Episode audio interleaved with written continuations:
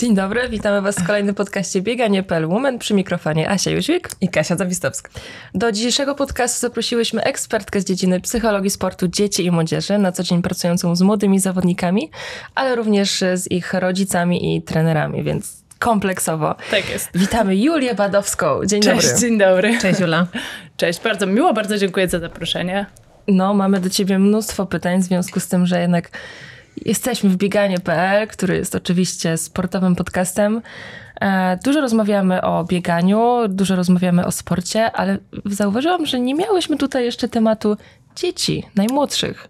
Właśnie jak was słuchałam, to wydaje mi się, że on się w prawie każdym odcinku, którego słuchałam, się przewija. Przewijał, ale nie w tym kontekście. Tak, tak, tak. Więc, Więc myślę, że możemy też fajnie podejść. nawiązywać do różnych rzeczy, które już padły, dlatego że i Julita jako mama była i Daria mówiła trochę o tym sporcie dzieci i młodzieży, jak jest ważny. Edytka Litwiniuk też. Tak, więc... JJ też, y, też mówiła o tej aktywności fizycznej, więc myślę, że może się fajnie zepnie. Po tych wszystkich -hmm. podcastach tak. możemy w końcu podejść ekspercko do tematu. I w końcu ten temat y, eksplorujemy i mam nadzieję, że wykończymy go dzisiaj do końca.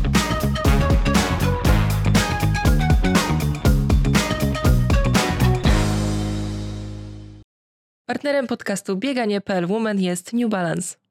Pracujesz z zawodnikami, z trenerami, z rodzicami, ale jakbyś swoimi słowami powiedziała, czym zajmujesz się na co dzień? No, pracuję rzeczywiście głównie z młodzieżą, to jest moja specjalizacja. Bardzo to lubię i się w tym spełniam. Uważam, że fajnie jest się zająć dziećmi, które wchodzą dopiero w sport, dlatego że one są trochę taką jeszcze białą kartką. I jeżeli od początku uczymy ich, jak sobie radzić z emocjami, coś, czego jakby szkoła i edukacja taka powiedzmy normalna, nie daje. Więc jeżeli dzieci poprzez sport, tak jako narzędzie się uczą, jak sobie radzić z trudnymi sytuacjami, z tym stresem, o którym ciągle mówimy, bezstresowe wychowanie, stresowe wychowanie, no to sport bardzo fajnie tego uczy i jeżeli damy im narzędzia, jak sobie z tym radzić, no to startują w życie z jakimś takim zupełnie innym bagażem, podejściem, tak, bez względu na to, czy w tym sporcie zostaną, czy nie. Więc zdecydowanie staram się, staram się pracować z dziećmi i właśnie młodzieżą, żeby mieli no powiedzmy, inny start w życiu, tak? I też staram się ich na przykład uczyć tego, jak się komunikować z dorosłymi, którzy ich otaczają. Nie tylko poprzez to, że ja rozmawiam z rodzicami, ale też na przykład poprzez to, że uczę ich, jak oni mogą powiedzieć różne rzeczy rodzicom, trenerom, tak, jak ich wspierać, dać wskazówki. No a do tego też muszą mieć lepszy kontakt ze sobą, więc y, no, myślę, że tak, tak mogę to opisać. A ja bym się jeszcze troszkę cofnęła pod tytułem, jak się to wszystko u ciebie zaczęło? Dlaczego akurat ta praca? Bo jakby nie patrzeć, jest to twoja praca. Tak. Yy, zaczęło się, myślę, od mojego uprawiania sportu w dzieciństwie. Ja byłam, yy, może nazwę to brutalnie, ale dość mocno zmuszana do sportu przez rodziców. Do tego też wrócimy. Yy, tak, tak. byłam w jakimś sensie zmuszana, ale myślę, że powiedzmy moi rodzice mieli, oboje dość byli aktywni fizycznie. Tata uwielbiał sporty, mama, jak się dowiedziałam dopiero potem na studiach, nie znosiła sportów nigdy, ale je uprawiała. Um, czy aktywność fizyczną, może tak, no bo tu odróżnijmy. E, tak, tak. E, mama czy tata? Oboje. Oboje. E, tata grał, z tego co pamiętam, tak, dużo w tenisa, dużo w koszykówkę i to on właśnie biegał na tej zasadzie, że się umawiał po prostu ze znajomymi i to robili wieczorami, popołudniami, rano grał w tenisa, wstawał wcześnie. Mama y, chodziła na aerobik trzy razy w tygodniu. Nie biegali, znaczy tata, tata chyba trochę biegał, ale nie, mama na pewno nie. Y, mama zdecydowanie aerobik, właśnie grała też w tenisa, y, to takie główne, no ale aerobik trzy razy w tygodniu, tak, więc jakby... Mhm ja miałam obraz mamy aktywnej fizycznie. I dopiero potem, jak byłam na studiach i się, y, miałam taką rozmowę na AWF-ie, bo skończyłam i psychologię i AWF, e, to pamiętam, że miałam taką rozmowę z mamą, że mówię, mamo, jak to jest, że cała nasza rodzina jest taka sportowa, a mi to tak ciężko idzie. Jakby każda nowa aktywność, zaczynanie, a moja mama mówi, coś ja nienawidzę sportu uprawiać. Ja mówię, jak to? A ja byłam przekonana, że ona to też wow. lubi. I ona mówi, ja, ja wiem, że to jest zdrowe, ja wiem, że powinnam, tak, dla właśnie gdzieś tam na starość, żeby się przygotować i tak dalej, e, ale ja tego nienawidzę robić. Więc jakby tak ja do mojego etapu studiów miałam obraz tego, że moja mama to lubi i że to robi dlatego, że to jest fajne. To może dobrze, ty tego nie wiedziałaś wcześniej. Tak, myślę, że bardzo dobrze. I też no, to jest to, do czego myślę, że też dojdziemy w którymś momencie, że dzieci się bardzo uczą poprzez modelowanie i to, o czym mówiła właśnie Julita, że jej córka tak patrzy i mówi, będę tak jak mama. I, i tak, tak, tak. Więc y, poprzez modelowanie. Y, I myślę, że moi rodzice mi ten model bardzo dobrze zaszczepili, aczkolwiek no ja, mój brat był bardzo sportowy, czego się nie dotykał, to po prostu wszystko, jedne, drugie zajęcia i po prostu był od razu najlepszy i od razu był w starszych jakichś grupach i w ogóle, no ja byłam ta, która, e, ja w ogóle nie znosiłam rywalizacji też, teraz sobie z nią wydaje mi się dobrze radzę, a nie znosiłam jej, E, ale wracając do tego zmuszania, żeby na tym nie zostać niechcący, e, to się, to na przykład właśnie pływanie, które teraz uwielbiam, ale no byłam w dzieciństwie zmuszana do niego. Em, Możemy się tutaj na chwilkę zatrzymać, bo tak. jestem ciekawa, jak wygląda takie zmuszanie dzieciaków. No, chodziliśmy na basen o 7 rano co sobotę i ja płacząc, trzymając się łóżka, błagałam, żeby nie musieć tam iść. E, Ale no ja nigdy nie lubiłam wstawać wcześnie i nie znoszę zimnej wody, więc jakby to bardziej chodziło o to. Jak się zapytałam mamy, jakby czemu mnie zmuszali i, i jak to jest, że ja dalej teraz to kocham, e, to mama powiedziała, no bo ty wychodziłaś z basenu zawsze szczęśliwa. Tak? I ona zwracała po prostu na to uwagę, że ja wychodzę szczęśliwa, że ona, gdybyś wychodziła niezadowolona i nie chciała, to, to byśmy tego nie robili, ale dla ciebie trudne było pójście do zimnej wody i wstanie rano, a nie sam basen. Tak? I to jest też często, jak rodzice mi zadają pytanie zawodników, z którymi pracuję, no jak właśnie zmusić albo y, sprawdzić, czy on rzeczywiście chce, no to myślę, że to jest też taka cenna wskazówka, którą ja dostałam z domu, czyli sprawdzić, jak on się czuje po.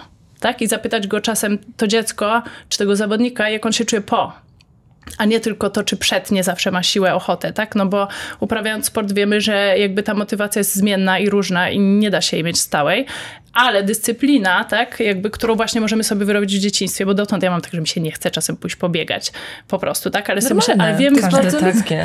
tak, dokładnie, tak, ale wiem jak się, przez to, że miałam jakby dość mocno wzmocnione, tak się będę czuła po i sobie przypominała, przypominam to, e, no to sobie myślę, nie, no dobra, wiem, że po będzie ekstra. E, I na przykład jak czasem mam właśnie, mm, ostatnio miałam jakąś taką sytuację, że e, napisałam do mojej przyjaciółki, że nie wiem, czy jechać na weekend na skitury. I ona mówi, nigdy nie wróciłaś niezadowolona, jedź. I ja mówię, no ma, rację, Ten tak sam jadę, efekt, co w jadę. dzieciństwie. Tak, tak, jadę po prostu rzeczywiście. Tak, no bo to jest 5 godzin w jedną, 5 godzin w drugą. No i potem praca też jest obciążająca, więc jakby cały tydzień nie mam czasu, żeby sobie poleżeć, odpocząć. e, Nie wiem, nawet co bym miała robić w sumie. Em, więc, a jeszcze teraz zaczęłam też studia podyplomowe następne z psychodietetyki ze względu na e, zawodników z zaburzeniami odżywiania, którzy do mnie trafiają, młodych, e, młodzi zawodnicy bardzo.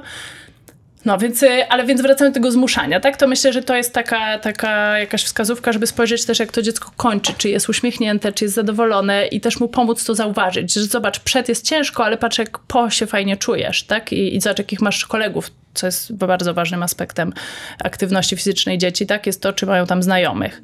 Y, tak całą tą grupę wsparcia, o której JJ akurat mówiła, że ta grupa wsparcia... JJ nie, Daria. Daria o tym mówiła, sorry. Ale ona jest pilnie przygotowana, zobacz. Chyba nawet Ej, Asia nie wiemy Ale tych wszystkich rzeczy, że co mamy tutaj wierną fankę naszych podcastów. Jest. Tak, ja w ogóle lubię tych słuchać sportowe podcasty. Jest myślę parę takich fajnych już teraz w Polsce, które od różnych stron podchodzą do aktywności fizycznej. Tak właśnie Darii chociażby podcast, e, nie wiem czy tu mogę reklamować inne podcasty, e, wasz, tak, ale na przykład Głowa Możesz, rządzi, możesz. Jesteśmy Głowa zawistne. rządzi z, jeżeli chodzi o... Zawistowska, tak. Nie, ale Asi- Asiu, sama mówiłaś na szczęście, że też polecasz, więc y, tak, ale z psychologii sportu właśnie na przykład Głowa Rządzi jest takim fajnym podcastem bardzo, więc jest trochę już tych podcastów, które można sobie biegając, to co mówiła Julita chyba właśnie. E, tak, no ja, ja zapamiętuję różne rzeczy, które, które mi zapadają w pamięć. Nie pamiętam nazwisk, nie pamiętam dat dobrze, tak? Jakieś na przykład wyniki badań pamiętam, ale kto, kiedy, gdzie zrobił to badanie z psychologii nie pamiętam. To już mniej ważne. Tak, prawda? ważne, ważne jest to sedno. Ale ważne jest to, co się z tego wyciąga, więc, y, więc słuchałam pilnie dość. Padło słowo sedno i chciałam tylko przypomnieć, że dalej nie dowiedziałam się, dlaczego wybrałaś tę pracę. A, y, więc w każdym razie dużo lepiej czułam się uprawiając sport, a głównym moim sportem było narciarstwo. Y, Dużo lepiej czułam się wspierając, nie wiem, mojego brata, znajomych na tym starcie, niż jak ja tam sobie jechałam na końcu i wolałam, żeby nikt na mnie nie zwracał uwagi. Ale droga jest, y, była dłuższa. Ja zdawałam maturę z biologii, zawsze lubiłam biologię, lubiłam wiedzieć, jak funkcjonuje ciało człowieka. Sama się w ogóle do matury przygotowywałam, zrobiłam sobie sama plakaty i w ogóle, więc jakby od zawsze mnie gdzieś to ciało człowieka interesowało. I poszłam na fizjoterapię, na której byłam dwa lata i ją rzuciłam. E, A dlaczego? Z paru względów. Po pierwsze, mieliśmy jakąś tam trudniejszą sytuację rodzinną, e, po drugie, e, która mnie obciążyła po prostu bardzo. Po drugie, na AWF-ie wtedy, przynajmniej na psychologii, był bardzo ciężki, nie, tfu, na fizjoterapii. fizjoterapii był bardzo ciężki program a ja pracowałam już jako instruktor wtedy, więc jakby też trochę opuszczałam. E, plus, no niestety prawda jest taka, że wykładowcy na WF-ie nas zniszczyli psychicznie, na co ja wtedy jeszcze byłam e, mm, nie wiedziałam, że wrażliwość jest moją mocną stroną i bardzo brałam do siebie różne rzeczy, tak? Czyli jak ktoś na, od pierwszego spotkania przychodzi i mówi, że połowa z was i tak wyleci i tak dalej, i nie o, dacie miło. rady, bardzo miło, e, no to ja w to wierzyłam, tak? No bo jeżeli ktoś wykłada od mhm. lat i od razu widzi, kto się nie nadaje, no to i mi mówi, że ja się nie nadaję, mimo że jakby to jest nasze pierwsze spotkanie, e, nie wiedziałam, że ktoś może poprzez jakieś swoje nieprzepracowane rzeczy, tak, e, wyżywać się powiedzmy na innych. Ale to w sporcie wszędzie funkcjonuje, tak? Że, że selekcja, dociśniemy i zobaczymy, kto odpadnie, to zostaną najsilniejsi. No nie. E, więc y, parę rzeczy się nałożyło, po prostu, takich, że ja ym, ostatecznie zdałam wszystko, co miałam zdać, ale uznałam, że po prostu ja nie chcę tam być. I znowu wracając do rodziców i ich wsparcia, moi rodzice się zachowali super, bo powiedzieli, ok, to się zastanów, co teraz. No i ja wyjechałam sobie do Trójmiasta do znajomych i siedziałam tam i po miesiącu zadzwoniła moja mama, która powiedziała, słuchaj, no bo i oczywiście ona zawsze to powtarzała, że ja bym była dobrym psychologiem, e, to może pójdziesz na rok na psychologię, na SWPS jest jeszcze rekrutacja i potem po roku sobie zobaczysz, ale będziesz miała rok, żeby się zastanowić, a taka wiedza o człowieku ci się zawsze przyda. Ja mówię, dobra. Okej, okay, niech mamo. będzie, wszystko jedno, tak?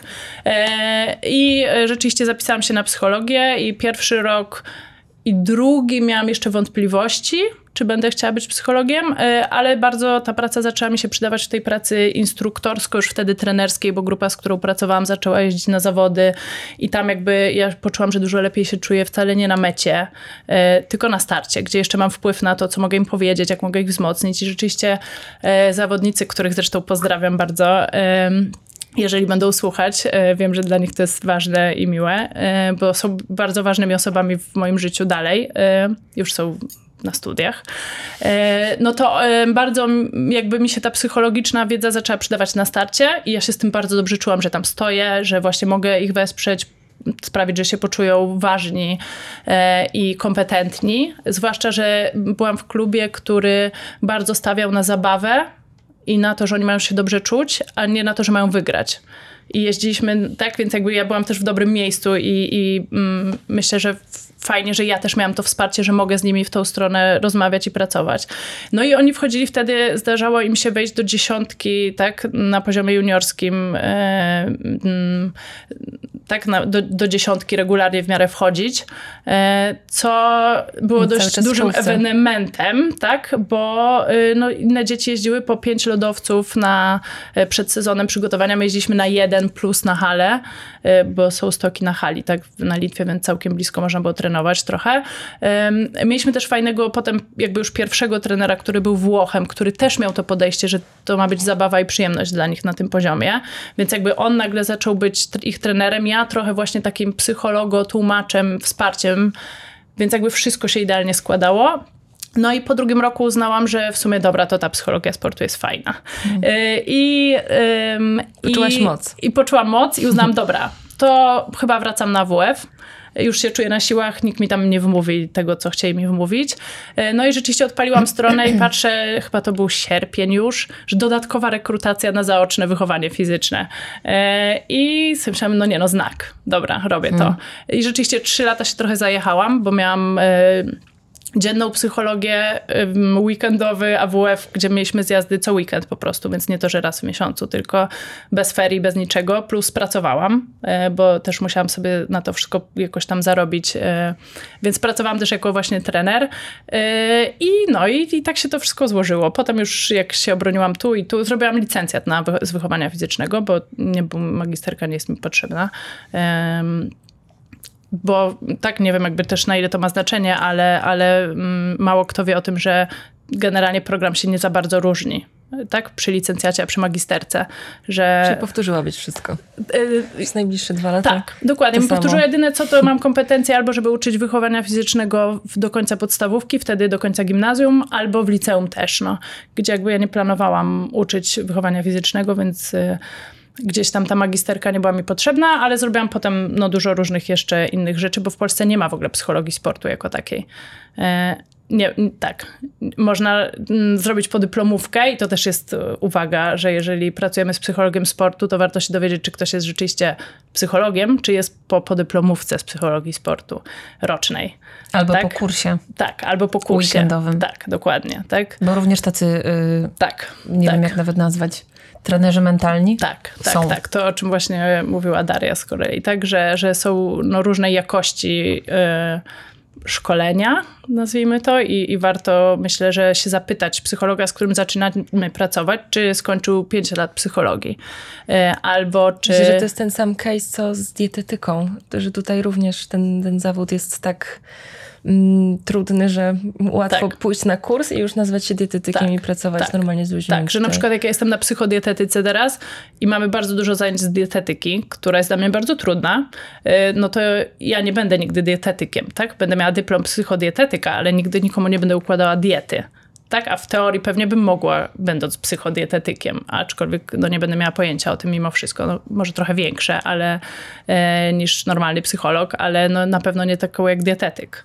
Więc e, tu warto się zapytać psychologa, z którym zaczynamy współpracę, czy jest po pięciu latach psychologii i czy się superwizuje. To znowu, co Daria wspomniała już, tak? Czy się superwizuje, czyli czy chodzi do innego psychologa, z którym konsultuje swoją pracę, zrzuca z siebie trochę e, presji i obciążeń, które my bardzo duże też mamy na sobie, ale też po prostu, no, czy ktoś monitoruje w ogóle tą pracę, tak? I to nawet koleżeńska superwizja, ale no, z kimś, kto jest jednak doświadczony, y, warto się po prostu o to zapytać. I totalnie my nie Właśnie powinniśmy jako myślę- psycholog się o, obruszyć na to. Jak ktoś się obruszy, to to już jest jakiś e, znak. Ja też na pierwszym spotkaniu mówię, że się superwizuję.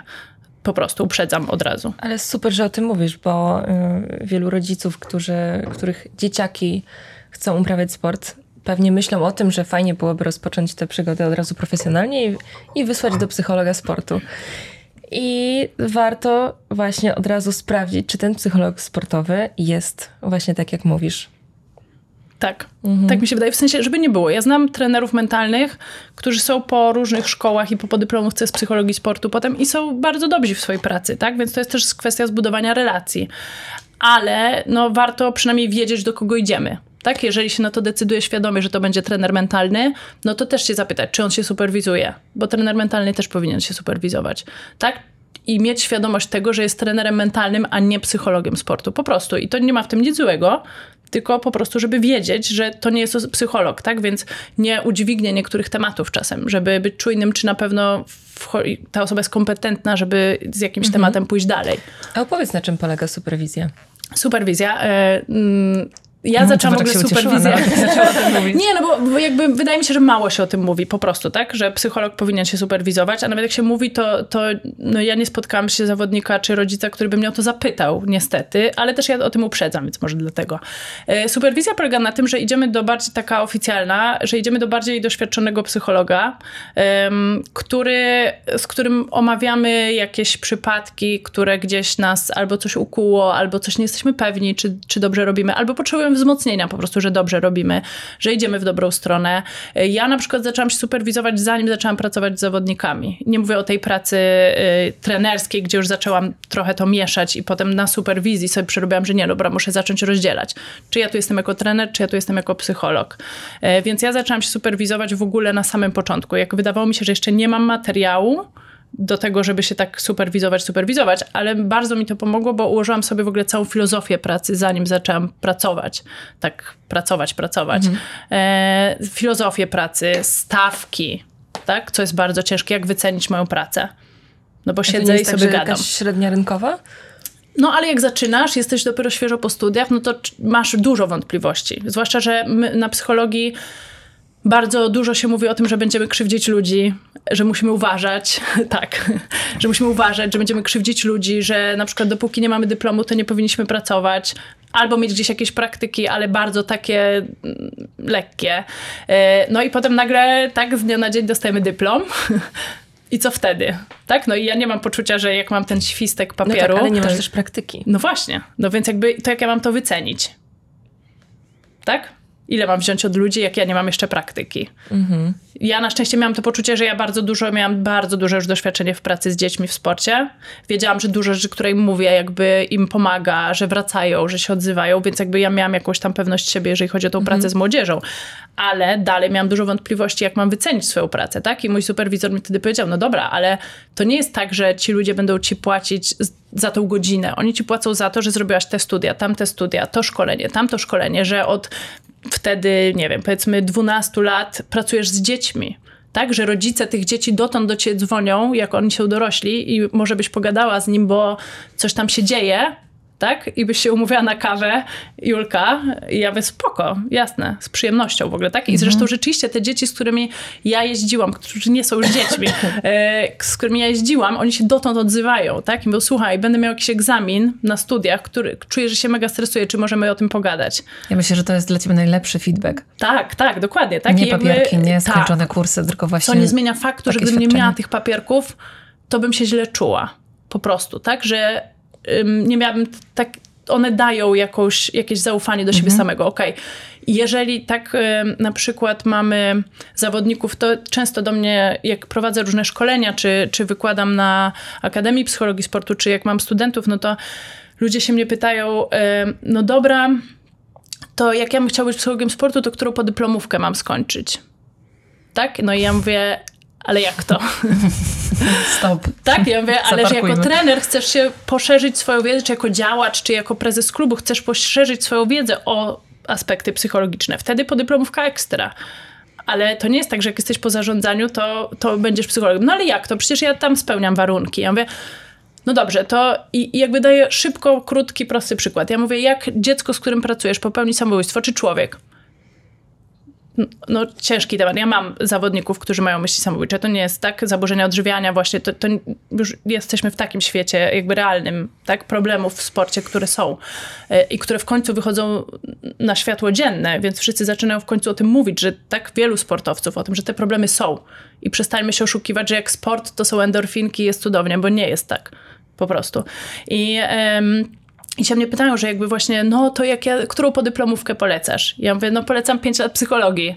No ale to jest 5 lat. Ja mówię, no dobrze, ale jak przyjdzie do ciebie zawodnik, tak, który ma myśli samobójcze, to czy ty bez tego papierka, który jest jakąś podstawą, tak, który, gdzie prawnie, okej, ta pani jest psychologiem, tak, i nawet jak coś się wydarzyło, to jest jakby, no kryta.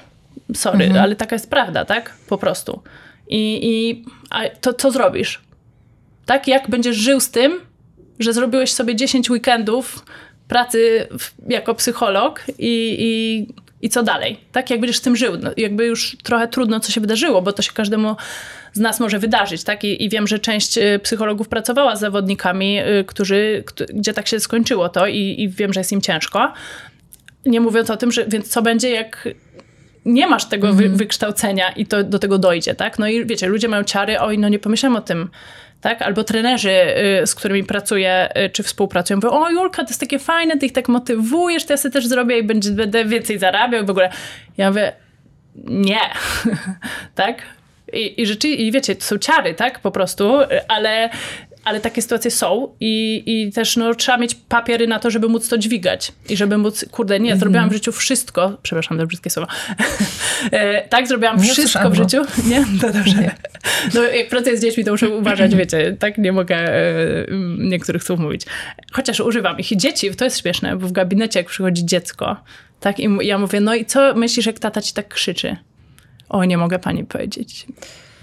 I ja mówię, możesz, spoko, ja znam te słowa. I pip, pip, tak i oni, wiecie, tak jak ja teraz, zniżają głos i tylko pip, pip, pip robią. Jak powiedzą ciszej, to nie słychać. Tak, tak. I w końcu mówią To te rzeczy. tego. Ja wysłuchaj, to, to są jakieś słowa, które są nacechowane emocjonalnie i pomagają ci też te emocje z siebie wyrzucać, tak? Energię, która z tymi emocjami idzie, więc spoko, no. Ja znam te słowa, przy mnie możesz je mówić. Tak? Julka, tak. e, przejdźmy do tego tematu dzieciaków Mhm. i, i to, z jakimi problemami ty musisz e, pracować. Właśnie, powiedzmy o tym głośno. To, co przed chwilą sama powiedziałaś. Tak. No, wiecie, przychodzą zawodnicy, którzy mają takie podstawowe w sporcie problemy, powiedzmy, tak? Czyli przełożenie y, treningów na zawody na przykład, tak? Jakby jakości tego występu i tak dalej, jak sobie to poukładać, że się stresują.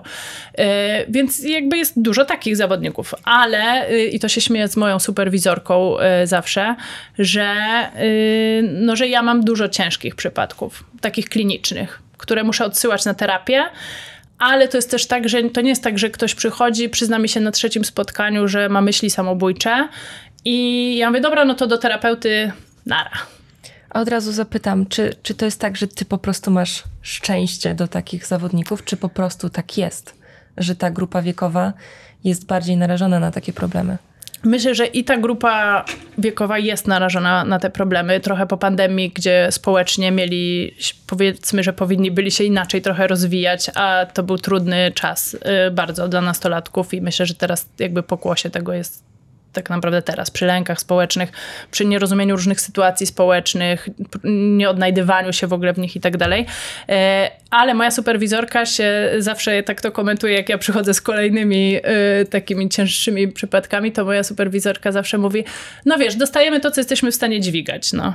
I rzeczywiście jest tak, że ja się nie uproszczę to, może nie boję tych przypadków, tak, że jakby jak widzę po zawodniku, a naprawdę po mowie ciała dużo widać. Tak? Po tym, jak, jak ja mówię, no bo na pierwszym spotkaniu zawsze mówię, w jakich sytuacjach mnie mm, obejmuje tajemnica zawodowa, tak? a w których mogę ją złamać. Czyli w sytuacji zagrożenia, zagrożenia życia lub zdrowia, yy, no to mogę ją łamać.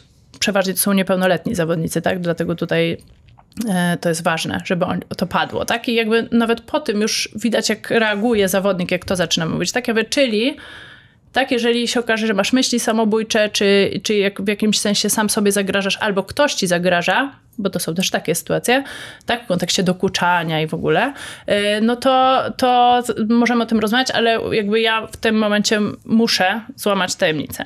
I jak widzę już nawet, jak zawodnik na to reaguje, na to hasło, tak? Jak jeżeli się okaże, że masz myśli samobójcze. Możemy o tym gadać, ale, yy, ale ja muszę wtedy złamać I tajemnicę co się wtedy dzieje? W sensie z tym zawodnikiem. E, No, odwraca wzrok, e, tak, spuszcza głowę, zaczyna się wiercić, tak, i to jest jakiś tam sygnał już dla mnie, że ten, może nie powinnam tego zdradzać, żeby potem, e, żeby potem, nie, no myślę, że powinnam, żartuję, tak, myślę, że powinnam, bo ludzie powinni być wyczuleni. Też, też jak miałam różne szkolenia, robiłam specjalnie z, z, z samobójstw nastolatków, w sensie z myśli, z tego, jak z nimi pracować i w ogóle, no to tam padło coś, czego ja się też nie spodziewałam, nie wiedziałam, mimo że jestem po psychologii, y, że y, trzeba o tym rozmawiać i mówić i wprost pomóc dźwigać tej osobie jakby to i ko- skonfrontować ją z tym, tak? Że my przeważnie się boimy, że co jak ta osoba powie, że tak i co ja wtedy zrobię. I, ale właśnie trzeba z nią o tym rozmawiać. Trzeba mówić, no masz, ale kiedy, jak często, tak? Jak, y, jak, czy myślałeś o tym, jak to zrobić? Wiecie, i to jest, to jest no, trudne bardzo. Tak? I też wyczucie momentu, no bo Ja osobiście nie wyobrażam sobie być na twoim miejscu, więc trzeba No, y, ale ja na to patrzę od tej innej strony, czyli że oni czekają, aż ktoś im tą furtkę otworzy. Oni nie chcą się zabić. Przeważnie. Znaczy chcą, ale nie chcą, tak? Oni Czyli to nie jest tak, że młodzi zawodnicy przychodzą do ciebie i wiadomo, że wzbudzasz ogromne zaufanie, bo rozmowa jest bardzo intymna i rozmawiacie o wielu problemach, ale nie o tych najważniejszych problemach. I czy oni sami wychodzą już z, in- z inicjatywą i mówią o tym, czy musisz wyciągać? y, muszę przeważnie wyciągnąć, jakąś furtkę otworzyć, tak? Y, A czy oni w ogóle sami do ciebie przychodzą, czy ktoś ich pcha? p- y, Różnie, różnie. Bo jakby nie, do końca chyba sobie nie wyobrażam sytuacji, że jest sobie jakiś, no bo dobra, nie nazwę imieniem, ale jest sobie dziecko X i mówi, kurczę, mam problem, jest mi smutno, nie wiem co zrobić, pójdę do psychologa. Wydaje mi się, że nie. Są Jednak- dzieci, tylko przeważnie y, te, które rzeczywiście są skupione bardzo na mm, na wykonaniu i na swoim sporcie i one przeważnie są, chcą same. I ja miałam dość dużo też takich sytuacji, że przychodzi ten rodzic z zawodnikiem, zawodnik, nie wiem, plus minus 13-14 lat i ja mówię, dobra, i na początku jest przez chwilę rodzic u mnie. Ja mam taką filozofię pracy, też każdy ma inną, y, kto pracuje z młodzieżą, ale ja mam tak, że na początku przychodzi rodzic z zawodnikiem, no i ja mówię, dobra, no to skąd ten pomysł, żeby, żebyś tu przyszedł, albo zapytajmy się rodzica, póki jest, tak, jakby porozmawiajmy chwilę o tym razem i tak dalej. No i parę razy miałam sytuację, że rodzic mówi, wie pani, ja nie wiem, on chciał. Ja, ja nie wiem, więc niech on mówi, ja tu jestem tylko dlatego, że jest niepełnoletni, więc pani powiedziała, że muszę przyjść. Mhm. Ja mówię, okej, okay, dobra. No to to, I to jest ekstra. Tak, to super wiedzieć, że jest taka świadomość dziecka, że tak. ma taką możliwość tak, udać się tak. do takiego eksperta i specjalisty. Ale może ja bym trochę jeszcze poszła właśnie w, w to bieganie i w ten sport, mhm. dlatego też tutaj jesteśmy, bo nurtuje mnie ciągle, mhm. obserwując właśnie młodych zawodników, kiedy pojawia się moment yy, wejścia w ten profesjonalny sport? Kiedy się pojawia moment, kiedy można się nazwać już, yy, ok, ja jestem profesjonalnym sportowcem? Czy to jest w wieku pełnoletności, czyli wieku 18 lat? Czy to jest w wieku, kiedy twoje życie się przekształca? Kiedy można się nazwać już tym ekspertem, profesjonalistą? Hmm. No ja jak pracuję z zawodnikami... Czy coś takiego istnieje w ogóle? Tak, no właśnie, pytanie o to, czy to istnieje. Ja jak pracuję z zawodnikami, to na początku z nimi też rozmawiam o tym, że oni w jakimś sensie są e, tutaj powiedzmy tym ekspertem, czy źródłem wiedzy o nich, a ja jestem od wspierania ich w tym momencie i oni na przykład bardzo często, mimo że no, po AWF ja mam dość dużą wiedzę o różnych sportach, bardzo, to, y, to im zawsze mówię tym młodym zawodnikom, że no to oni tutaj są specjalistą od swojego sportu, a ja jestem od treningu mentalnego i pracy takiej psychologicznej i teraz chodź zgrajmy się gdzieś po drodze. Tak, jak ja ci mogę pomóc, czego ty mnie możesz nauczyć, no bo dzieci bardzo często są traktowane z góry i cały czas mają się wszystkiego uczyć, a wszyscy dorośli są bardzo mądrzy i one rzadko mają szansę na to, żeby powiedzieć, o dobra, ja to wiem, tak? Albo ja myślę, że to ćwiczenie by było fajne od tej strony, a może spróbujmy coś. Jakby mało jest dzieci, które są full yy, kreatywne, ale myślę, że to jest niewykorzystywane. Wielu, wielu aspektów tak. życia. Tak. Jak, tak. jak byłam w twoim wieku. Tak. tak, albo no w ogóle po prostu ta praca z trenerem, tak? Jakby no trener przychodzi, mówi jak masz to zrobić i wychodzi.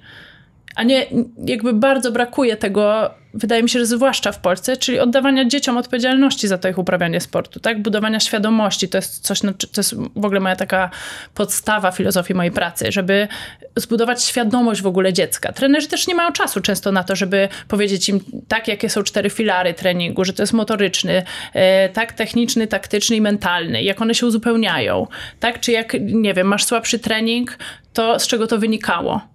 Tak? Jakby dzieci nie są tego uczone, tylko słabszy trening to musisz trenować bardziej.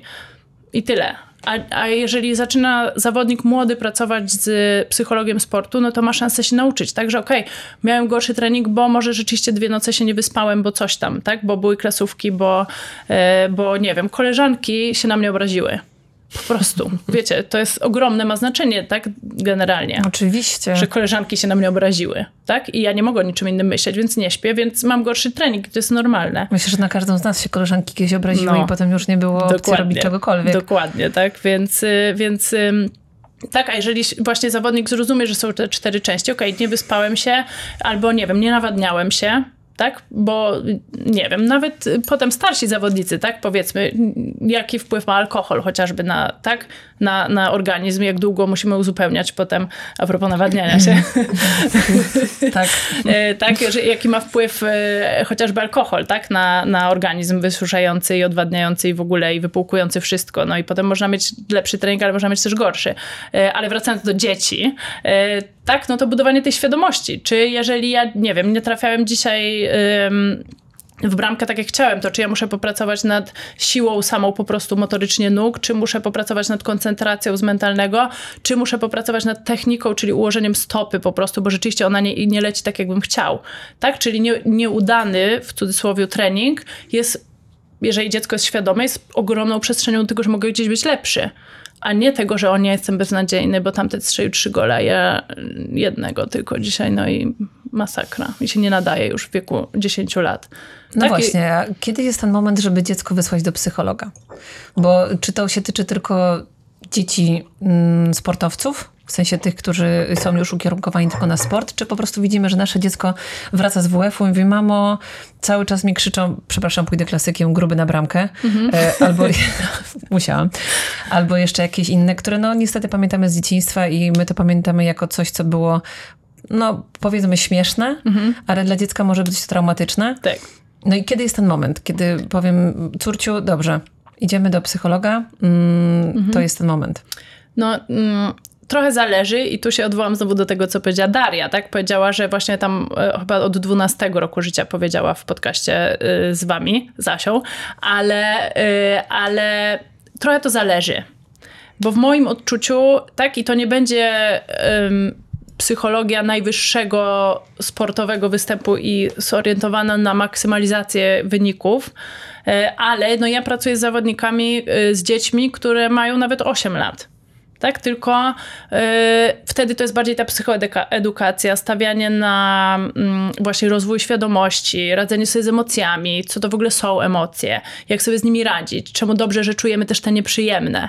Tak? I że, że zwróceniem uwagi na to, że je dźwigamy, że one nam mogą pomagać, że są cenną informacją, tak? Że nie wiem, gdyby nie było strachu, to byśmy w ogóle nie przetrwali jako gatunek. Tak, jakby róży, ta, taka psychoedukacja, którą można zrobić na wczesnym etapie, Ale to w ogóle brzmi jak mm, praca z dzieckiem nie tylko takim sportowym, które ma do czynienia ze sportem, ale w ogóle każdym. Tak. Ja uważam oczywiście, że tak, że każdym. I wiecie, jak na przykład mm, pracowałam z jedną zawodniczką, e, która kiedyś przyszła i powiedziała, no mieć, przyszła pani tam pedagog e, w szkole i mieliśmy z nią zastępstwo. No i zaczęła mówić o emocjach i mówiła takie rzeczy w ogóle bez sensu. I ja jej wszystko powiedziałam, jak to jest. I dostałam plusa, wiecie. I dziewczynka, która tak pracuje, ona miała wtedy 9 lat, która pracuje z psychologiem sportu, tak, no poucza panią pedagog, która przyszła powiedziała, są złe emocje i dobre i tyle, i tyle uprościła i w ogóle. Ona mówi, no jak to? To strach, proszę pani, jest dobry czy zły? I ja to szanuję. Nie wiecie.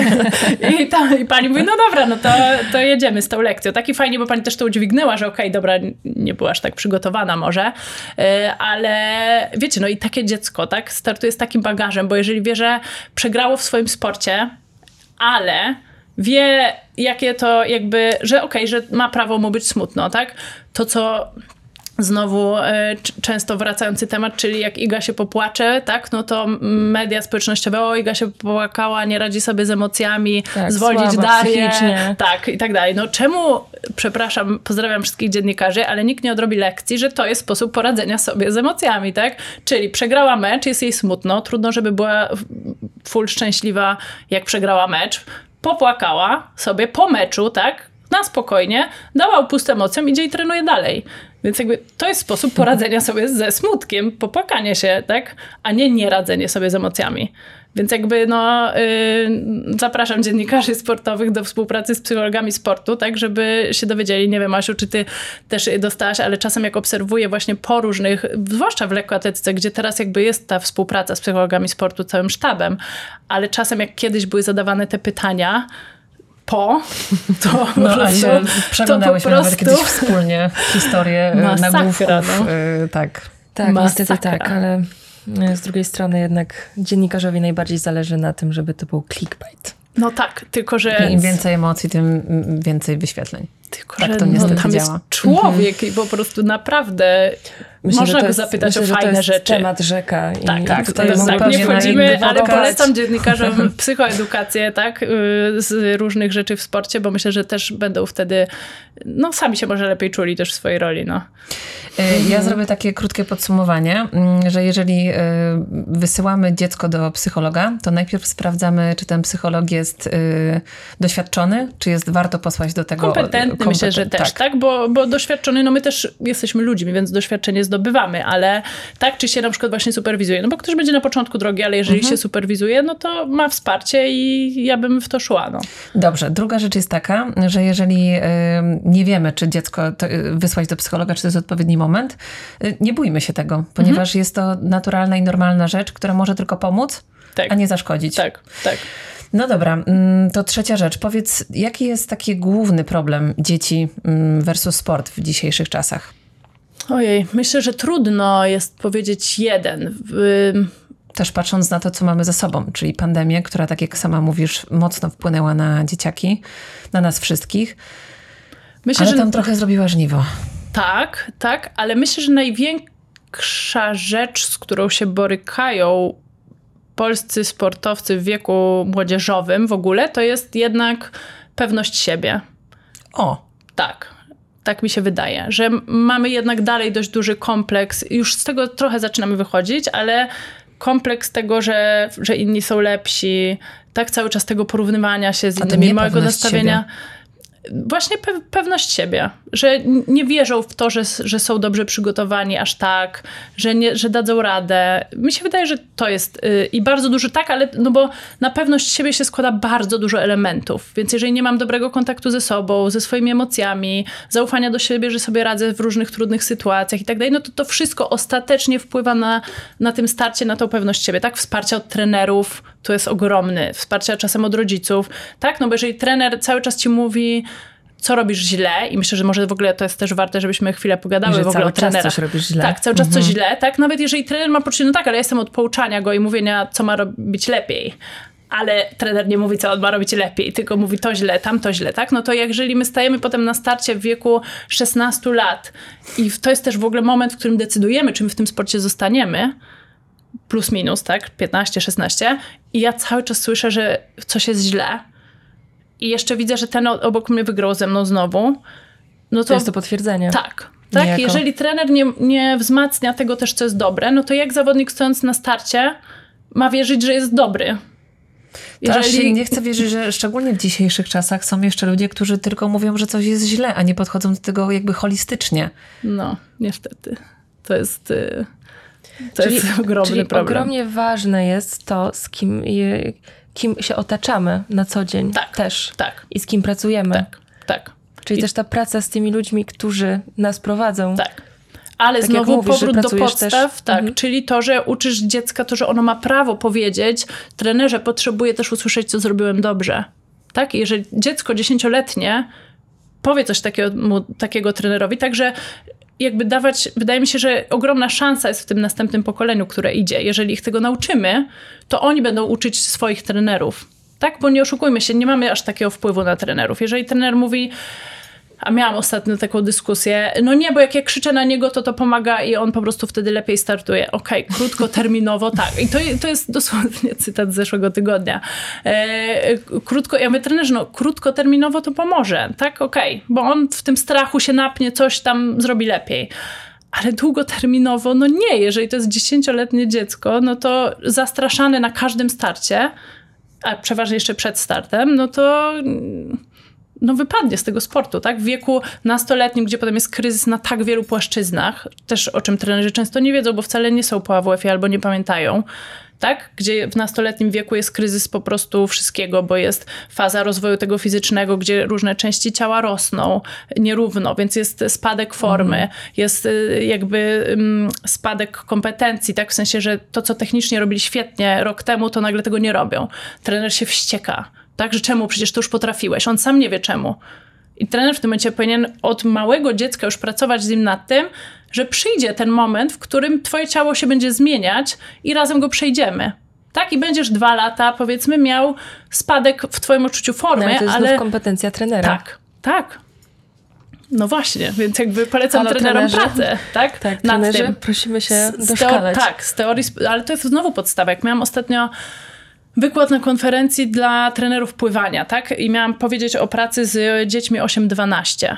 No to też ten wykład zaczęłam od tego, że trenerzy pracujcie nad sobą, sami nad sobą, nawet nie nad swoją wiedzą, tylko jeżeli pracujemy z dziećmi, które sprawdzają cały czas te granice, i trener nie ma kontaktu ze swoimi emocjami, no to wybuchnie przy pierwszym sprawdzianie i dziecko w wieku 12-14 lat już nie będzie potem wytrzymywało tych wybuchów i zrezygnuje. Tak, więc jeżeli trener sam nie pracuje ze swoimi emocjami, nie jest świadomy swoich napięć, a tak samo trenerzy mają ogromne obciążenia, są rozliczani z wyników, tak, co znowu jest jakimś błędem. Tak, dofinansowania dla klubu i wszystko jest rozliczane z tego, czy zawodnicy zdobyli dane miejsca. No więc jak trener ma się mam- nie wściekać? Mam z tym bardzo nieprzyjemne doświadczenie. Jak zaczynałam trenować, to dokładnie tak było, że jechaliśmy na zawody i musieliśmy zdobywać jak najwyższe miejsca, bo punkty dla klubu. Tak. Tak? No i więc jakby to jest całe błędne koło. Tak, Trudno tak, tu tak, widzieć tak. tylko, winić tylko trenerów, bo oni mają bardzo dużo z tym napięć. No więc jakby Jest problem jest w systemie. tak. Czyli Ale- jedziesz na zawody, jedziesz na zawody z presją, a nie z chęcią tego, co powiedziałaś wcześniej. I to mi się super spodobało, że ym, ym, trenujesz, że rozmawiasz z dzieciakami, nie żeby wygrywały, ale żeby, dobrze się czuły. I to jest według mnie podstawa do absolutnie wszystkiego, bo jeżeli czujesz się dobrze ze sobą, czujesz się dobrze z tym sportem, czujesz się dobrze w tym miejscu, w tym otoczeniu i w tym momencie, no to jakby to jest, jeżeli jesteś oczywiście dobrze przygotowany sportowo, to jest klucz do sukcesu. Tak, bo jeżeli dziecko od małe, małego jest uczone, że to jest proces, pomaga się mu zauważać swoje postępy, które robi, rozumie, że ono w jakimś sensie rywalizuje samo ze sobą. W jakimś stopniu, tak? W większości sportów. Samo, nawet w drużynowych, tak? W jakimś sensie. Ono rywalizuje w wielu sytuacjach samo ze sobą, bo to jest proces i ono nie musi być w tym momencie mistrzem świata, tylko jeżeli chce nim zostać za 15 lat, to ma długo, długo i fajne, długo do uczenia się. Sorry, ja czasem takie skróty e, wale myślowe. E, mm, jak to w sporcie. Bardzo szybko lecę. Em, to w każdym razie, tak, jeżeli dziecko rozumie, że to jest proces i rozumie, że fajnie jest popełniać różne, znowu w cudzysłowie, błędy, bo wtedy się uczę i to mi pokazuje, co może mnie doprowadzić do tego miejsca, w którym chcę być za te 15 lat, a dzieci nie mają takiej perspektywy czasowej. Więc pomoc tych dorosłych, którzy mówią, słuchaj, ale ty teraz chcesz być, to teraz być bezbłędny? No co ci to da? To już zostaniesz na tym poziomie. Nie rozwiniesz się, bo tylko to wychodzenie z tej strefy komfortu i to, wtedy rysujemy sobie tą strefę komfortu, wiecie, a gdzie chcesz być kiedyś i w ogóle i oni rysują mapę dojścia tam za te 15 lat i to jest takie, ło, gdzie jestem tu na tej mapie, to dopiero początek, tak?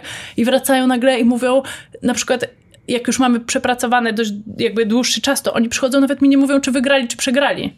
Mówią, o, wiesz co, nauczyłem się na tym tego i tego, a z tego to jestem dumny. Ja wiecie, ja tak trochę czekam, tak, dobra, ale tak jak poszło, no bo ja chcę wiedzieć, czy... Ale, Nie chcę ale, pytać wprost, tak, nie, ale- Dokładnie, tak, no bo nie chcę zaznaczać, że dla mnie jako dorosłego Tak, tak. jednak to miejsce jest ważne, powiedzmy, chociaż nie jest, ale jestem ciekawa. A oni czasem wychodzą 50 minut, zapominają mi powiedzieć, czy wygrali, czy przegrali, tylko mówią, czego się nauczyli, gdzie są na mapie, coś tam, coś tam, tak, takie rzeczy. Wiecie, no i macie ciary wtedy, ja nie wiem dotąd i przed mamy, ale on wygrał, czy przegrał, bo nie, nie daliśmy razem mówić, ma jak to? Nie wiem, Asia, kiedy masz odczucie, ale jak gdybym miała swoje dziecko teraz puścić do psychologa, to po prostu idź do Julki. Idź do Julki i przegadaj, bo to, Troszkę tak. e, bo to mega ważne nie tylko mieć dobrego trenera, nie tylko mieć psychologa mm, w swoim podejściu sportowym, ale i tutaj rzucę duży Mądrego temat na rodzica. stół, rodzice. Tak, tak, zdecydowanie. Jakby- Myślę, że nie powiem nic nowego, mówiąc, że rodzice w dzisiejszych czasach y, robią też dużo złego dzieciom. No właśnie, bo często zdarza Tak. się taka sytuacja, kiedy rodzice spełniają swoje ambicje poprzez dziecko. Tak. Jak często miałeś taką Bardzo. przypadłość? Bardzo i to wiecie, skrajnie w dwie strony. Bo miałam na przykład e, przykład, tak, no bo ta jedna jest oczywista, że jest ciśnienie i czemu tego nie zrobiłeś i mogłeś to zrobić tak i e, jakby w, w naszym świecie trochę e, się mówi o tym, że no najgorszy moment dla dziecka uprawiania sportu, w sensie najgorszy moment w kontekście zawodów, no to jest e, podróż z rodzicem samochodem po zawodach. Uuu, Wiecie, jakby to jest, więc to jest taka też ja tak oczywista. z trenerem. A, no więc właśnie. E, ale Cisza. To, no właśnie, oni, oni mówią, że u rodziców... wracamy do rodziców. Tak, oni mówią przeważnie, że jakby była cisza, to jeszcze by było spoko. Tak? Gorzej Mhm. jak y, no, rodzic po prostu jedzie w tym samochodzie, tak? Czemu tego nie zrobiłeś? Mogłeś tu, mogłeś tam podać, mogłeś przebiec szybciej, mogłeś docisnąć na końcu, czemu nie? I wiecie, i jest półtorej godziny, a zdarza się przez tydzień, że to jest w domu u zawodnika, nie? Że tak, i że to wpływa na całą w ogóle y, atmosferę w domu. I kiedy jest ten moment, kiedy zapraszasz rodziców do siebie? Mm. Takiego zawodnika. Robię, raczej staram się przez to, że ja mam tą filozofię, że to, że ja coś załatwię za zawodnika nie do końca ma sens, bo to on potem dalej z tym zostaje. Więc ym, ja robię z zawodnikami, jak jest taka sytuacja i zawodnik widzi to, że nie chce, żeby tak było, e, to robimy i, i jakby zgadza się na tą formę, to robimy taką instrukcję obsługi zawodnika, siedzimy nad tym parę dobrych spotkań, tak? Ale jak tata mi mówi to, to tobie to, to jak się czujesz? E, tak jak, e, no mogłabym tu bardzo poprzeklinać to, co rodzice mówią swoim dzieciom. E, tak, jak mówisz mi pip, pip, pip, to ja się czuję jak najgorsze pip. Czy chcesz powiedzieć, że rodzice mówiąc do dziecka tak, po zawodach tak. przeklinają, I to jak? ich I to za- jak? Wiecie, ale nawet nie tylko w samochodzie w ciszy, nie? Potrafią to krzyczeć, nie wiem, no na boisku czy na zawodach, tak? Po tu przyszedłeś, skoro tak Nie. robisz. No oczywiście, że tak. Oczywiście, że tak. Oczywiście właśnie, że tak. No. Więc jakby to, że ja powiem temu rodzicowi, wie pan, jak pan tak robi, to to jest złe dla dziecka, no to, to nie jest ten level w ogóle, z którego my możemy startować, tak? Bo jakby ten rodzic kompletnie nad sobą nie panuje. I teraz co innego, my z zawodnikiem robimy wtedy taką instrukcję obsługi do zawodnika, bardzo taką dokładną, no i, I zapraszamy rodzic tego rodzica. taką kartkę? Nie, nie, on nie dostaje. On jest skonfrontowany przy mnie z tym. Czyli zapraszamy rodzica, tak? Czy jesteś, Oh, wow. czy jesteś w stanie nam opowiedzieć taką sytuację? Bo, bo jestem bardzo ciekawa, jak taki rodzic reaguje. Czy jest jemu głupio, czy czy on to różnie, wypiera? różnie, ale zdarzały mi się sytuacje, w których się yy, rodzic popłakał. Na przykład. Zrozumiał, że robił bardzo źle. Tak, że rozumie, on wiem i ja nad tym nie panuję i jakby dobrze, że o tym rozmawiamy. Tak, bo ludzie no, jak naprawdę jak wiedzą, że źle robią, to potrzebują tego, żeby ktoś ich z tym skonfrontował. Tylko pytanie, czy to dało efekt. No daje. Jeże- Bo Okej. jeżeli, wyobraźcie sobie sytuację, że słyszysz od własnego dziecka, tato, wymagasz ode mnie pewności siebie, a traktujesz mnie jak tak? No to gdzie ja mam być pewny siebie? Tak? I jeżeli siedzi taki 10, 12, 15 latek i, i czyta to, tato, mówisz do mnie, ty, tak?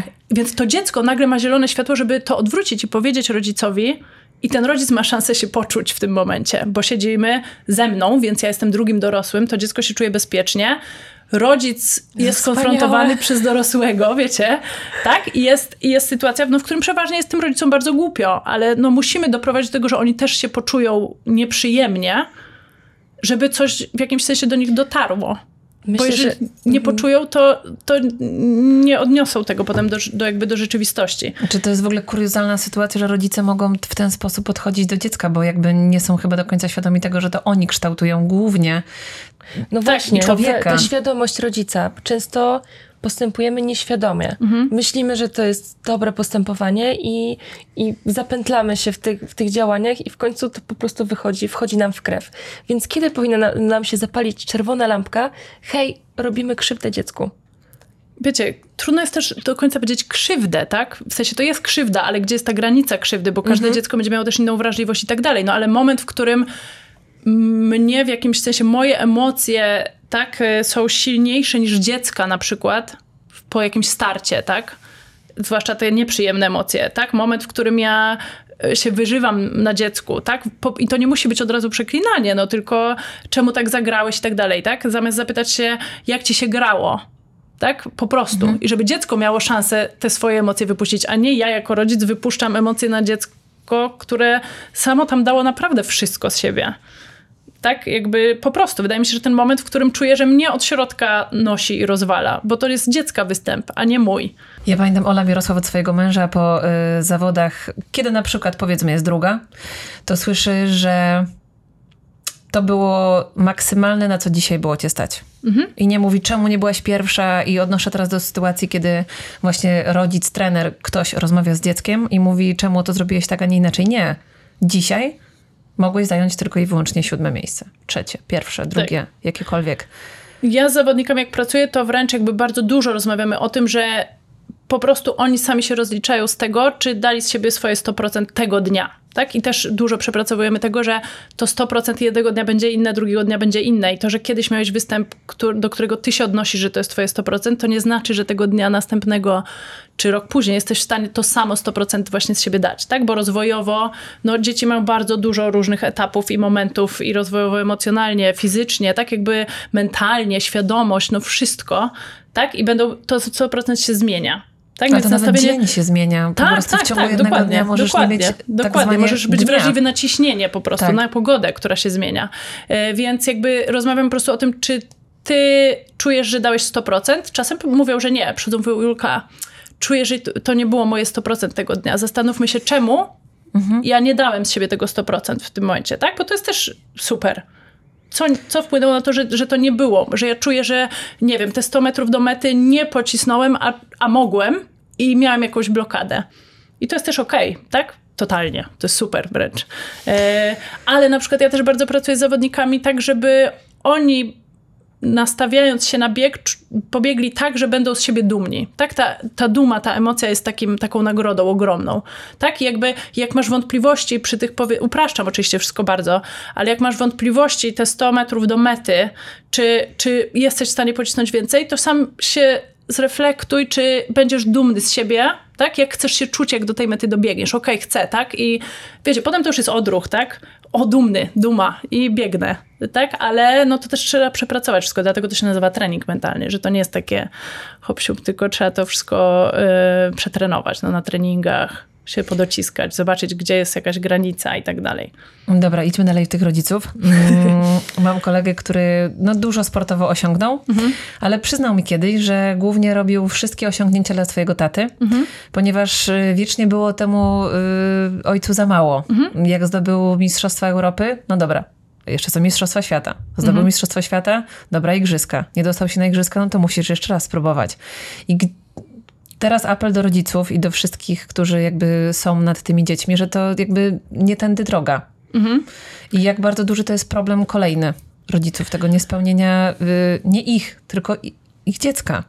Mm. Które jest osobnym bytem, osobnym człowiekiem. No myślę, że dla rodziców, którzy sami nie są spełnieni, nie mają tego poczucia, bez względu na to, co osiągnęli. Mogą być mistrzami olimpijskimi, a dalej mogą czuć, że to się nie spełnili w tym sporcie, no to, to przekładanie tego potem tak jakby na dzieci, no jest niestety dość takim powszechnym zjawiskiem. Tak? Ale i co, wtedy jest konfrontacja z tobą i z dzieckiem?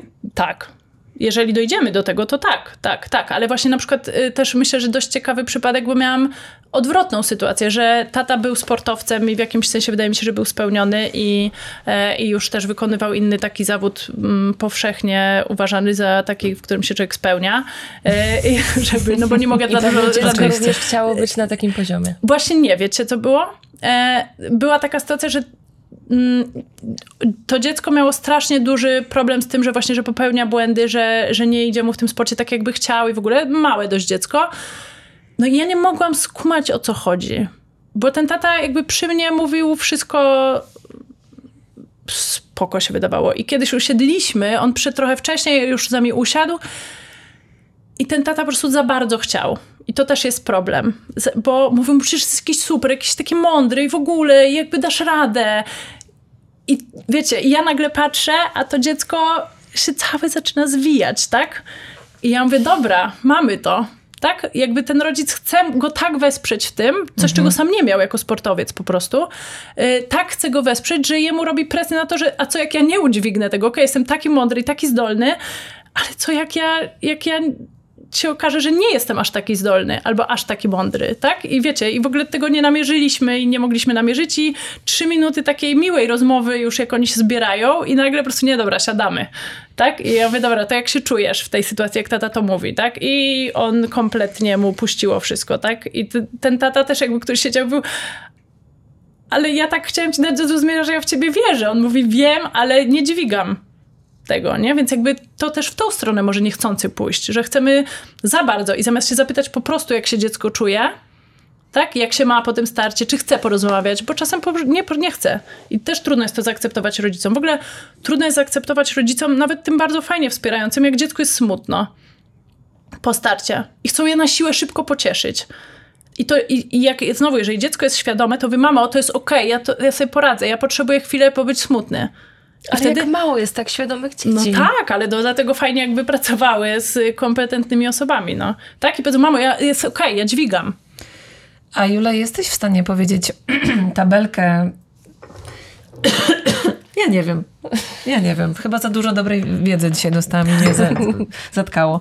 Tabelkę y, zdań, y, jakby słów, które powinno się mówić dziecku po zawodach. Powinno. I właśnie tych, których nie powinno. To jest zakazane absolutnie skreślony amen. Um, Wiem, że bardzo upraszczam, bo jest tak, 100 tak, przypadków. Tak, y, oczywiście. Nie, no zastanawiam się. Na pewno radziłabym, bo myślę, że może to nie jest taka stricte tabelka, ale radziłabym się pytać, jak tobie się biegło, a nie na przykład było super, gdzie to dziecko w środku czuje, że nie było super. Więc po co takiego, tylko będzie to denerwowało i jakby nasilało te nieprzyjemne emocje w tym momencie, tak? Więc zapytać się po prostu, jak tobie się biegło. Albo czy chcesz o tym pogadać. Jak będziesz chciał się wygadać, to jestem. I po prostu hmm. otworzyć tą furtkę. tak? I dziecko przyjdzie w którymś momencie prawdopodobnie, a jak nie, to nie, ale wie, że ono może z niej skorzystać, a nie w jakimś sensie kierować się tym, że widzę, że mojemu dziecku jest ciężko, więc mi jest ciężko, więc spróbuję szybko mu pomóc, żeby mi było lepiej jako rodzicowi, że jemu jest ciężko. Tak, jakby motywacja tego jest dobra i fajna, ale to nie jest zadbanie o dziecko w tej sytuacji, tylko to jest zadbanie o swoje emocje, że nie chcemy, żeby nam było przykro, bo naszemu dziecku jest przykro. A dzieci bardzo dobrze dźwigają emocje. Bardzo dobrze, tak? Mają naturalne sposoby. Popłaczą się, właśnie pójdą, mm, potupią sobie i, i się jakby zdejmują z siebie tą energię i jakby też dać im. Oczywiście teraz też dzieci są bardzo przebodźcowane, tak? Telefony i wszystko, y, więc fajnie, jeżeli właśnie znowu idziemy do specjalisty i, i gdzieś tam, jeżeli widzimy, że to jest za, za silne i za mocne, ale wracając do rodziców, tak? No to, to się zastanowić, co ja bym w takiej sytuacji chciał usłyszeć. Czy na pewno, że było dobrze? Jak mi nie poszło? W pracy, tak? Zawaliłem spotkanie. Czy chcę, żeby moja żona w domu powiedziała, no coś na pewno było super. tak? Czy powiedziała, okej, okay, jestem z tobą, rozumiem, że jesteś zły, czy jest ci przykro, tak? Czyli empatia, empatia, jeszcze raz empatia. Tak, tak. I, I, jakby gdzieś udźwignięcie tego, no myślę, że też znowu podstawą jest psychoedukacja, tak? Że te emocje są dobre. One są nieprzyjemne czasem i tak dalej, one są potrzebne. Jak mamy nieudany start, czy dziecko ma nieudany start, to to jest normalne, że jest nam potem przykro i, i dźwigamy to. I pomóc temu dziecku być w tym i być z nim w tym, żeby nie było samo, tak, to będzie bardzo ważne. Że jestem, jak mnie potrzebujesz, to jestem. Tak? Jak chcesz się przytulić, to jestem. Czasem to przytulenie, przeważnie to przytulenie jest dużo w tym momencie ważniejsze, tak, jak dziecko też już ma ten moment, że jest na nie gotowe, oczywiście. A jest no, pełno takich sytuacji, że wiecie, że rodzic, nie wiem, wychodzi, tak, no tenis chociażby, że rodzic wychodzi w trakcie. No to jak się czuje dziecko, jak źle mu idzie w trakcie meczu, tak, i rodzic nagle wychodzi, ono widzi, że on wychodzi.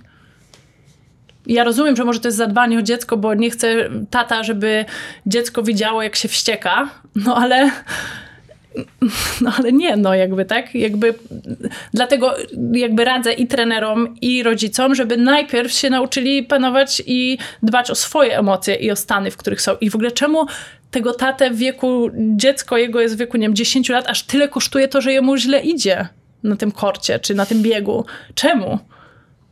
Co tam się Powinien dzieje w się środku. zastanowić właśnie, tak, dlaczego tak? tak jest. I naprawdę też może warto tutaj jakby zdjąć taki, czy rozbić stereotyp terapii nie trzeba być chorym psychicznie, żeby iść na terapię i sobie poukładać różne rzeczy.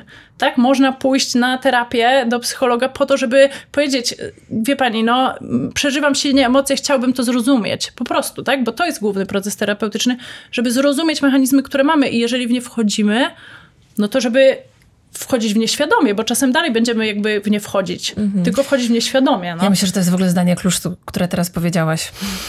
No ja polecam wszystkim, tak? Ja sama jestem pod, e, po, znaczy jestem w trakcie e, drugiej mojej, bo pierwsza była też i to jest też ważna wskazówka, myślę, bo na przykład jak ja poszłam na moją pierwszą terapię, no to po pięciu spotkaniach pani mi powiedziała, że ona nie widzi nic do pracy tak? I, I ekstra, że to powiedziała. I więc też jakby, mm, no bo to było dla mnie ważne, nie dlatego, że, że nic nie widziała, bo ja widziałam różne rzeczy, e, tylko no, że tu się nie zgrałyśmy, tak? I potem poszłam w innym nurcie, e, który był głębszy, który gdzieś pomógł mi dojść do tych mechanizmów, zwłaszcza, że jako psychologia też potrafię świetnie wybrnąć z różnych trudnych mm. pytań, e, więc myślę, że dla mojej pani terapeutki to jest też wyzwanie i ona potrafi mi takie rzeczy właśnie powiedzieć, no to sobie pani uciekła od pytania, tak? Typu, okay. co pani czuje w tej sytuacji, jak ja coś opowiadam, co pani czuje w tej sytuacji?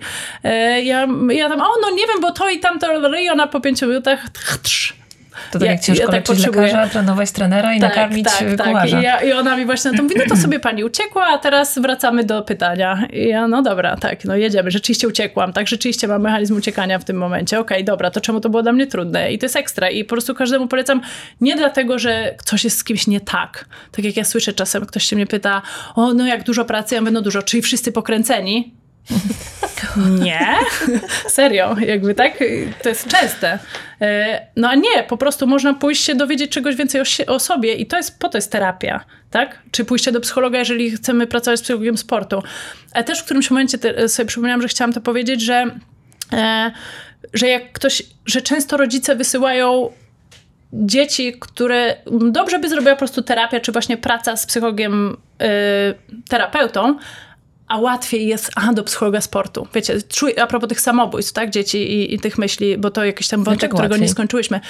No bo społecznie to jest lepiej postrzegane. No on chodzi do psychologa sportu, a nie do psychologa. Przysięgam. No właśnie, zaczęłyśmy ten temat, zanim e, rozpoczęłyśmy podcast, że my tutaj chyba żyjemy w takiej bańce, gdzie psychologia jest już takim, no, powszechnie stosowanym terminem i możemy Tak. pójść do psychologa, porozmawiać o swoich problemach, a mówię, że wcale nie, że to w Nie. dalszym ciągu jest demonizowane, że Nie. jak ktoś idzie do psychologa, to jest Tak, coś nie tak, tak, z nim. Tak, tak. I to jest wśród trenerów na przykład tak, że ktoś przychodzi, jak się pojawia na zawodach, mówi, o Julka, wiesz, bo bym ci przysłał, przysłał zawodnika, ale yy, ja mówię, dobra, no to niech podejdą, tak, no bo jestem na tych zawodach. Nie, nie, to może tak z boku się umówicie czy coś, bo to wstyd. A ja tak, uff, to chyba, się, to chyba tu nie, będzie współpracy, tak? No bo jeżeli trener ma takie nastawienie, no widzi, że potrzeba... nie, a- współpraca z trenerem właśnie. Ale trener też, jeżeli mówisz, że to wstyd, to to znaczy, że trener nie ma tu otwartości.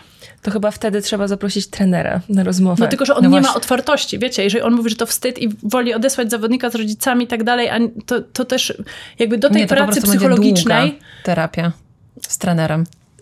do tej pracy psychologicznej, może to też warto, żeby padło, bardzo ważna jest otwartość tej osoby, która ma pracować. A da się to wypracować?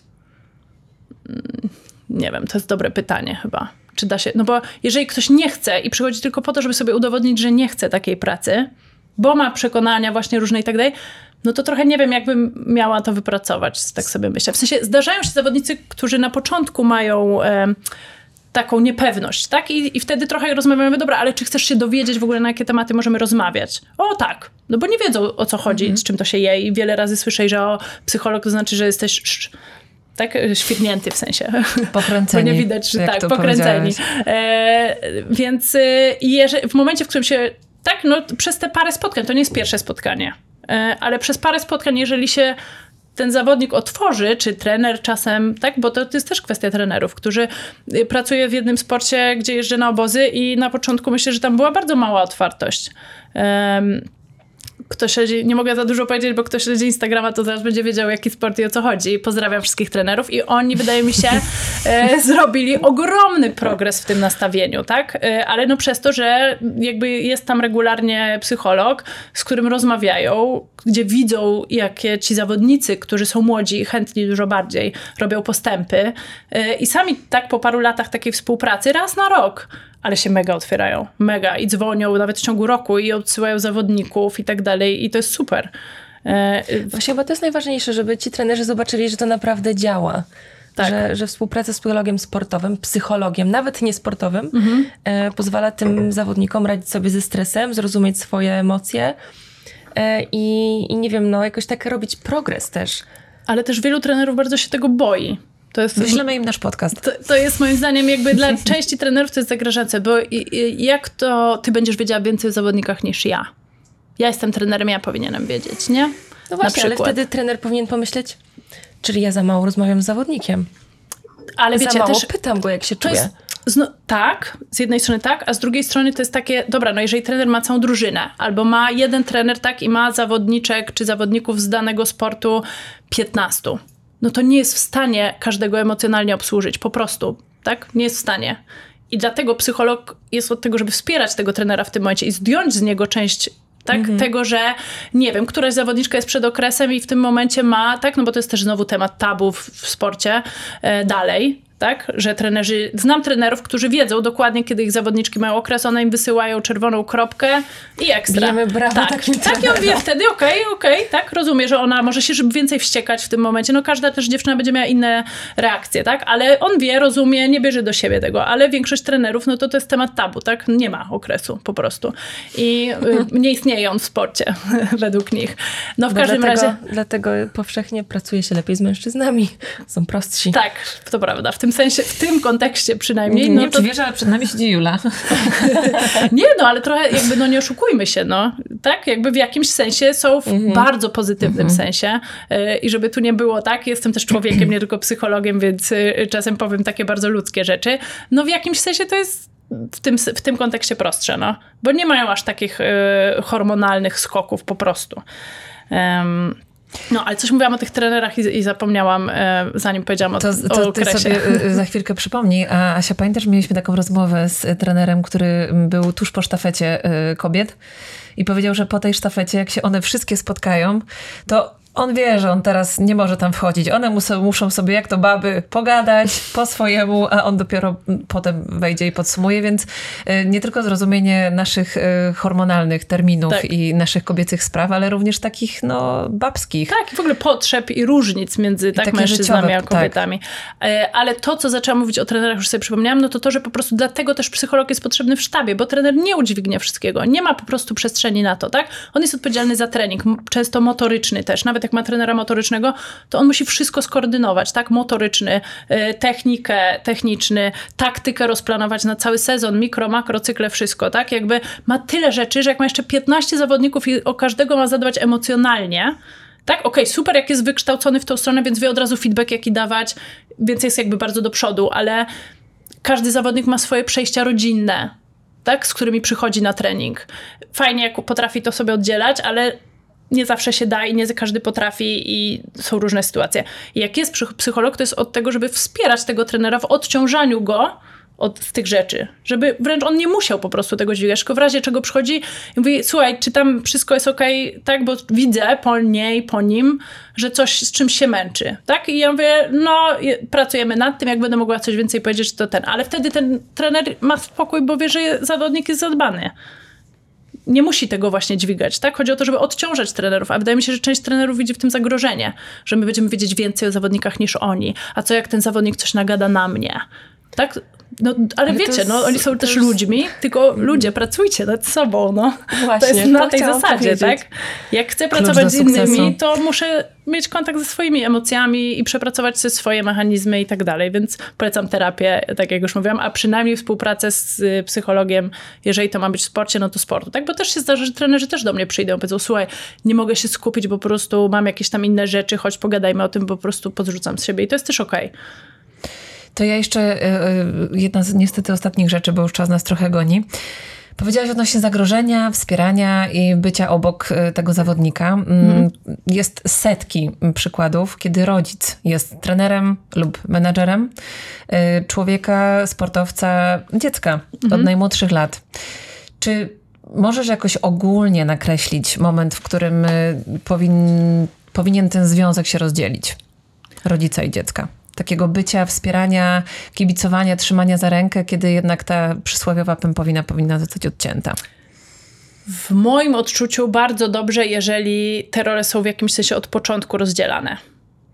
Od początku, czyli trener jest od tego, żeby dawać rady techniczne, tak, zadbać o plan na sezon, na następne 10 lat i tak dalej, tak. Rodzic jest od tego, żeby zadbać o to wsparcie emocjonalne.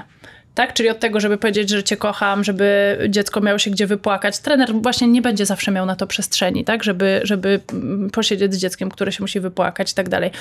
Więc y, w moim odczuciu no, najlepsze jest po prostu od początku rozdzielanie ról i żeby dziecko też bardzo dobrze wiedziało, dziecko, potem nastolatek, potem zawodnik wiedział, z którym jakby z czym się do kogo zgłosić. Kto jest tym danym źródłem wsparcia, tak? Czy potrzebuje informacji więcej o tym, co potrzebuje poprawić, no to idę do trenera, nie do taty, który w samochodzie też. I potem bardzo dużo znowu jest zawodników, którzy mówią, jak ja się zapytam, czy, czy jak trener ci daje jedną radę, a tata ci da drugą radę, to kogo posłuchasz? No i większość dzieci mówi, no wiem, że powinienem trenera, ale wolę rodzica, bo inaczej będzie mi truł. Więc wie, wiecie, świadomie zrobi źle, tylko Żeby po to, żeby spokój. rodzic się nie przyczepił. Co jest, no tak, więc w moim odczuciu im wcześniej to jest rozdzielone, tym lepiej. I że rodzic wie, jakie ma zadania. No dobra, ale jeżeli rodzic wie, jakie są dzisiejsze czasy, że jest dużo bodźców, że jest y, różne towarzystwo, że dziecko powinno być w pewnym sensie chronione przed tym, co, się, o, co dzisiejszy świat oferuje, to w którą stronę iść? Czy rzeczywiście chronić to dziecko tą taką bańką, czy pozwolić mu na różne błędy, które samego, miejmy nadzieję, nauczą, co jest dobre, a co złe?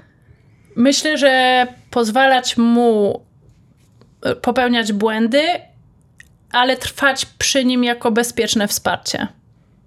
I pomóc mu pokazać y, to, jak ta sytuacja też, jaką jest nauką dla niego.